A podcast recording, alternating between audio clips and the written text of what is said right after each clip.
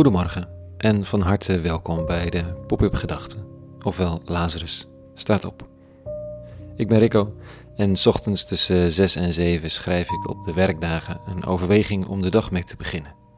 Het is mijn moment van stilte en contemplatie, voordat takenlijstjes, gezin en wat dan ook om aandacht vragen. Als schrijvende ontrolt de gedachte zich en het begint altijd met een titel. Vandaag deze dat wat ons rest. Pop-up gedachte vrijdag 13 november 2020.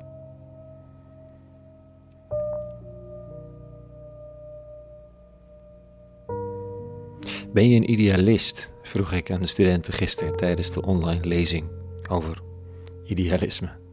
Er gingen aarzelend enkele vingers omhoog. Ben je het absoluut niet? Ook dat kwam nauwelijks voor. Het hing er allemaal een beetje tussenin. Iemand zei: Ik heb wel idealistische ideeën, maar de uitvoeringen, dat was eerlijk en herkenbaar.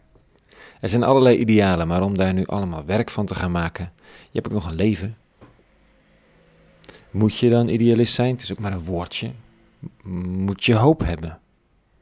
De vraag is of moet het juiste woord is, maar hoop kon wel eens dicht in de buurt komen van de eerste levensbehoeften. Eén spade dieper.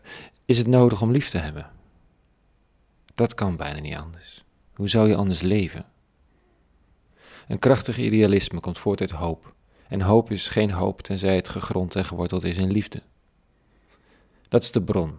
Dat is volgens de oude teksten van christendom zelfs het gebod. Het echte, het eerste, het enige ware. Heb lief. Augustinus zei het zo. Heb lief en doe dan wat je wilt. Een korte samenvatting van evangelie en een bevrijdende. Vanochtend staat het in een van de brieven van Johannes. Het is geen nieuw gebod waarover ik u schrijf, maar het gebod dat wij vanaf het begin hebben gehad. Laten wij elkaar lief hebben. En hierin bestaat de liefde dat we een leven leiden naar zijn geboden.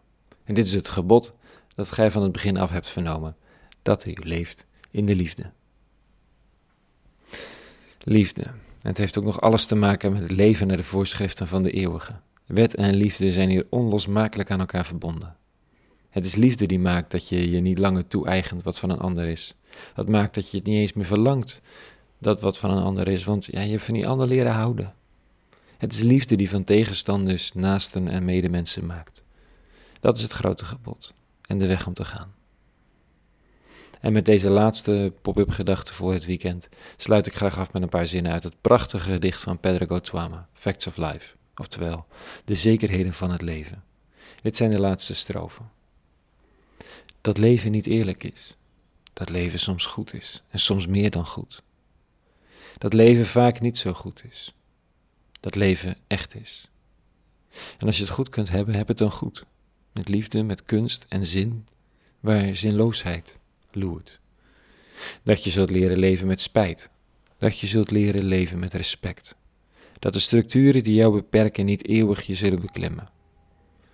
Dat het waarschijnlijk met jou wel goed komt. Dat je zult moeten erkennen dat dingen nu eenmaal veranderen voor je sterft. En je sterft sowieso. Dus zou je net zo goed kunnen gaan leven, kunnen gaan liefhebben.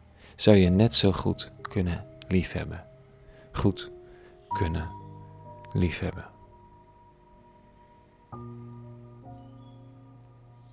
Tot zover. Een hele goede vrijdag gewenst. Tot maandag en voor nu.